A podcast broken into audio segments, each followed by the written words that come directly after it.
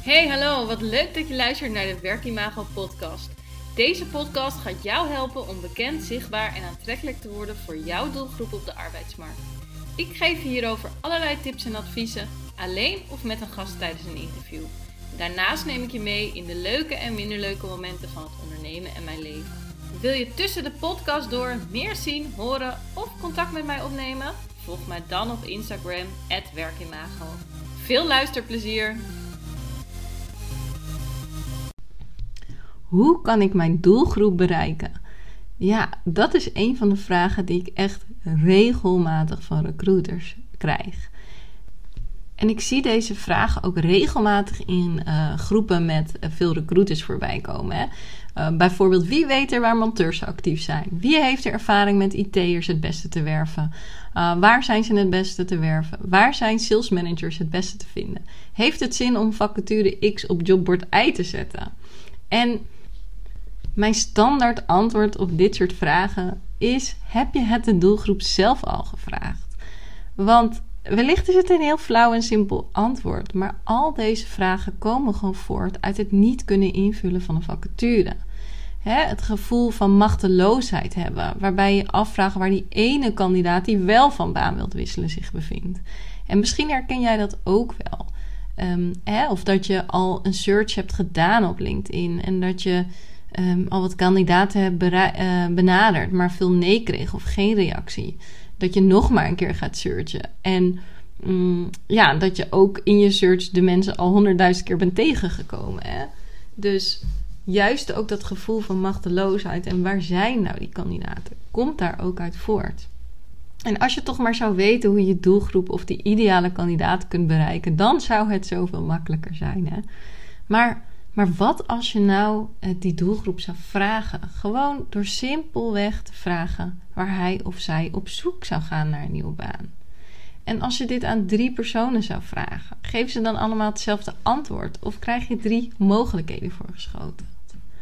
Hè, zowel binnen als buiten de organisatie kan je dit natuurlijk vragen aan de doelgroep. En als je dan ook nog kijkt naar de latent, hè, de latent zoekende doelgroep, de latent werkende uh, uh, de latent werkzoekende doelgroep, moeilijk woord. Waar zijn zij actief? Wat doen zij bijvoorbeeld s'avonds als ze op de bank zitten te Netflixen op hun telefoon? Hè? Ik zeg altijd, volgens mij de hele wereld zit s'avonds uh, Netflix te kijken, maar ondertussen gewoon op hun telefoon. Ja, waar zijn ze, wat zijn ze dan daar aan het doen? En ja, voor mij is het echt de start van alles. En dus ook eigenlijk heel simpel, want iedereen kan uh, wat vragen stellen aan de doelgroep. De vraag is nu: nu dit weet, wat ga je met deze informatie doen? Want wat ik vaak zie, is dat recruiters ergens aan beginnen, omdat iedereen het doet. Ze vragen de informatie op, doen er vervolgens niks mee. Dus dan ga je wel even wat vragen aan de doelgroep stellen, maar vervolgens met de antwoorden die je van de doelgroep uh, krijgt, daar doe je vervolgens niet mee. En vaak komt dit ook gewoon doordat je eigenlijk niet zo goed weet wat je met die informatie moet doen. Ja, en dus ga je eigenlijk weer in de waan van de dag. Ik zei het alweer aan of in je bedrijf werken. Doelgroeponderzoek is aan het bedrijf werken. Ehm, en uh, nou ja, omdat je gewoon niet zo goed weet wat je ermee uh, kan doen, ga je maar weer in je bedrijf werken en doe je toch maar weer de volgende dag een search om te kijken of je nu wel die kandidaten pakken kan krijgen. Hè, en je laat eigenlijk die waardevolle informatie weer liggen. Maar goed, als je het hebt dus over het uitvragen van je doelgroep en je dit doortrekt, um, is mijn vraag aan jou: hoeveel persona's liggen er wel niet in de kast te verstoffen bij mensen, bij, bij bedrijven? Um, ooit zelf een onderzoekje gedaan, nog vaker een duur betaald onderzoek en in de praktijk nooit wat meegedaan. Echt, ik zie het zo vaak. En mm, vaak als ik dus ook vragen aan, aan mensen die ik spreek, uh, van heb je wel eens een doelgroeponderzoek gedaan? En zeker bij corporates krijg je eigenlijk altijd de vraag: Oh ja, ja, we hebben daar een stagiair ooit op gehad. Ja, die heeft inderdaad die persona's gemaakt. En um, of ik krijg de antwoorden inderdaad te horen wat ik net al zei. Ja, we hebben een keer bedrijf X en Y, ik zal geen naam noemen, uh, ingeschakeld. En dus ja, we hebben persona's. Ook echt letterlijk gewoon dit. En de grap dan in het hele verhaal is dat mensen. Ehm, vervolgens vraag ik eigenlijk aan degene: wat heb je dan gedaan met die personen? En het antwoord 9 van de 10 keer is ja, nee, ja, eigenlijk, eigenlijk liggen die gewoon in de la. Ik heb daar niks mee gedaan of we hebben daar niks mee gedaan of het is voor mijn tijd geweest. Ik heb ook eigenlijk echt een hekel aan persona's. En ik zat te denken om hier een aparte podcast uh, voor op te nemen, maar ik ga het maar gewoon hier ook uh, in blenden. Want wie me al wat langer kent, die weet dat ik echt een hekel heb aan het, woord persona. Um, het, het is zelfs een woord dat gewoon echt in mijn allergie zit of zat. Um, hè, weer zo'n hippe term, wat je als recruiter zou moeten doen, een persona maken. En ik ben eigenlijk echt wars van al die strategieën en theorieën die je als recruiter zou moeten doen. En misschien herken jij ook wel die lichte afkeer van persona's. En waarschijnlijk komt het ook door het idee dat je gewoon heel veel werk ervoor moet doen. dat je liever gewoon aan de slag wil met die vacature in te vullen. Zodat je weer een kandidaat en een, eh, en een klant blij maakt. Um, ja, en eigenlijk weer door kan naar de volgende vacature. En misschien goed om je even een stukje achtergrond mee te nemen uh, over persona's. Want als je het hebt over persona's, dan komen die ook officieel vanuit de marketing. En ze zijn vooral bedoeld om je te kunnen inleven in een ideale klant. Hè? Want voor marketing en, en e-commerce is het natuurlijk: hey, wie is nou je ideale klant en hoe beweegt die bijvoorbeeld op de website? Mm, en ja, wat, wat, gaat hij bijvoorbeeld, zij of hij of zij, um, waar gaan ze bijvoorbeeld van op aan? Hè? Natuurlijk, als je, we kennen allemaal de bol.coms en allemaal van die kreetjes, hè? ook allemaal weer triggers, onbewuste triggers. Maar wat vinden ze nou belangrijk? Dus als je, als je kijkt naar de e-commerce, um, dan zie je dus vooral dat het, het persona, de ideale klant, is vooral bedoeld om, om je te kunnen inleven in wat zou die klant doen als die op de website zit? Zou die nu met deze tekst blij zijn? Zou die klikken op de knop ik ga kopen? Ehm, hè, dat soort dingen. Ehm, en de vertaling, op een gegeven moment is die natuurlijk gemaakt vanuit de marketing naar de recruitment marketing.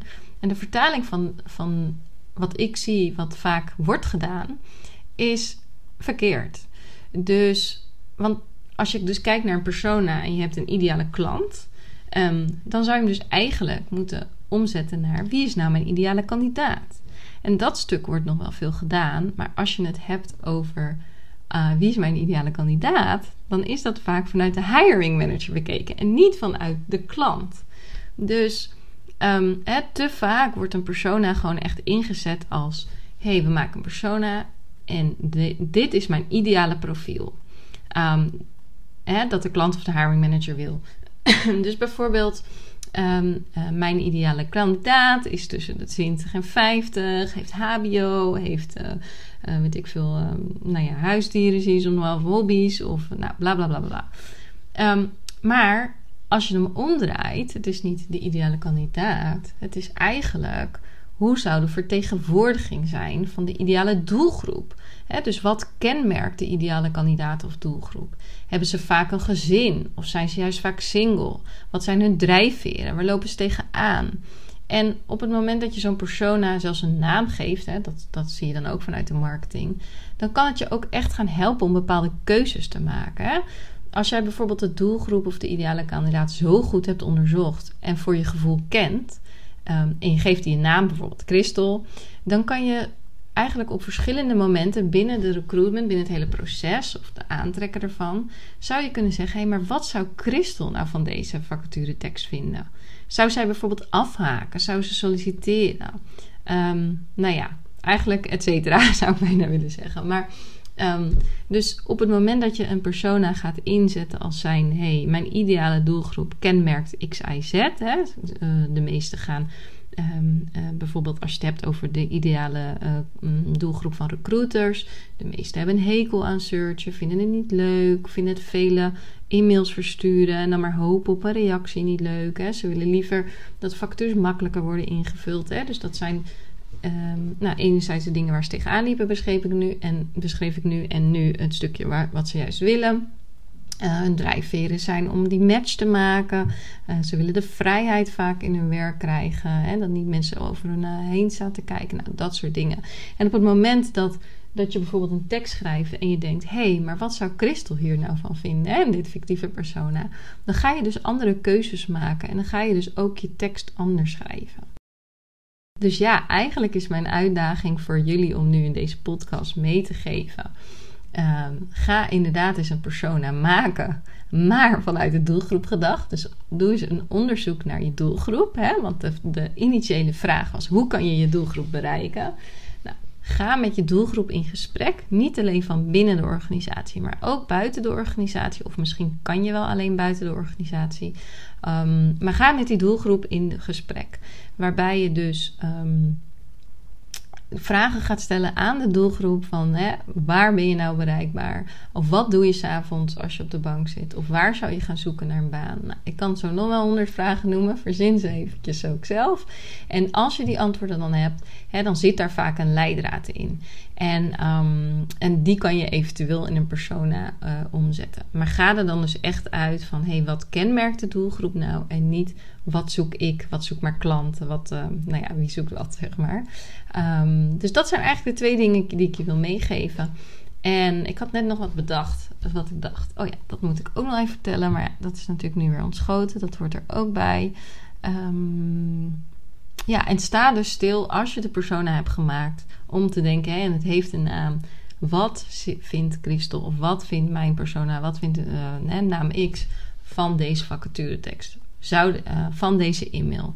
Zou uh, zij hierop aangaan, zeg ik altijd. Zou ze denken, leuke tekst? Of denk je, hmm, ik weet het niet. Dus vind die leidraad in de antwoorden en gebruik die ook om in tekst om te zetten. Dus ga hier lekker mee oefenen en uh, ga ermee aan de slag. En zorg dat je ook die doelgroep dus inderdaad weet te bereiken. Um, en ik moet wel heel eerlijk bekennen, en dat wil ik je ook meteen meegeven, is dat dit, um, hè, dat stukje, um, hoe ga ik dat verklappen? Oh, hoe ga ik dat zeggen? dat stukje, wat zegt nou die doelgroep en wat ga ik met die informatie doen? En hoe vertaal ik dat dus ook naar alles wat ik doe als recruiter? Dus um, uh, in teksten, in, in nou ja, je hele recruitmentproces. Dat is wel echt wat de meeste recruiters ook moeilijk vinden. Um, vaak lukt het ze ook alleen niet zonder hulp, omdat het zo'n manier, andere manier van werken is en zo omdenken, um, is dat je ziet dat daar echt veel frustratie en, en tijd uh, in gaat zitten om dat eigen te maken. Nou ja, en ik zeg altijd: ga lekker aan de slag, ga ermee oefenen. En op het moment dat je ergens tegenaan loopt, dan mag jij als luisteraar me altijd even een DM sturen. En dan kijk ik even met je mee. En mochten de DM's nou met honderd getalen binnenstromen. Ik werk natuurlijk met name uh, voor uh, recruitmentondernemers, hè, voor zelfstandigen, ZZP'ers. Dus mijn tijd is in die zin wel echt schaars. Dus ik moet daar ook wel soms keuzes in maken om dus uh, juist uh, daarop uh, te reageren. Maar stuur me gewoon een DM. Je krijgt altijd een persoonlijk berichtje van mij. Um, en ik zeg het natuurlijk ook eerlijk als ik je niet verder kan helpen. Ik wens je een hele mooie week. En um, de volgende keer ga ik in mijn eigen podcast, hè, die ik weer alleen doe, ook vertellen wat er nog veel belangrijker is dan een persona. Dus uh, luister de volgende keer zeker weer. En vergeet je ook niet te abonneren op uh, mijn podcastkanaal. Dan ben jij de eerste die de meldingen krijgt als er weer een nieuw podcast online is.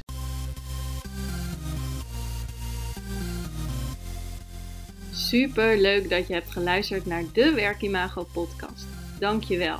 Nog even kort drie dingen die ik met jou wil delen. Allereerst, fijn dat ik steeds vaker word getagd op Instagram in berichten dat luisteraars deze podcast luisteren. Ik vind dat echt leuk, dus tag mij vooral in bijvoorbeeld je stories als je naar deze podcast luistert. En volg je mij nog niet? Ga dan naar Instagram en zoek mij op via werkimago.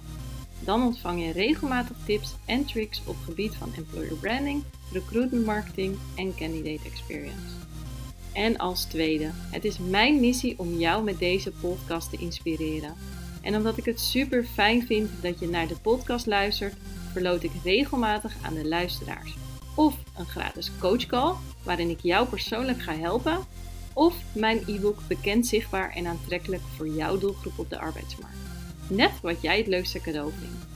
Wil je hier kans op maken? Geef de Werkimago podcast dan een review via de podcast app waarmee je deze podcast luistert. Stuur daarna een printscreen naar kim.werkimago.nl of via een DM op Instagram. Ik vind het natuurlijk ook super leuk als je een bericht of DM stuurt, als je vragen hebt of bijvoorbeeld wil reageren op een podcast of wat dan ook. Laat het mij vooral weten. En als laatste, abonneer of subscribe je vooral op de Werkimago podcast. Dan ben jij een van de eerste die de nieuwste aflevering kan beluisteren. Heel graag tot de volgende keer.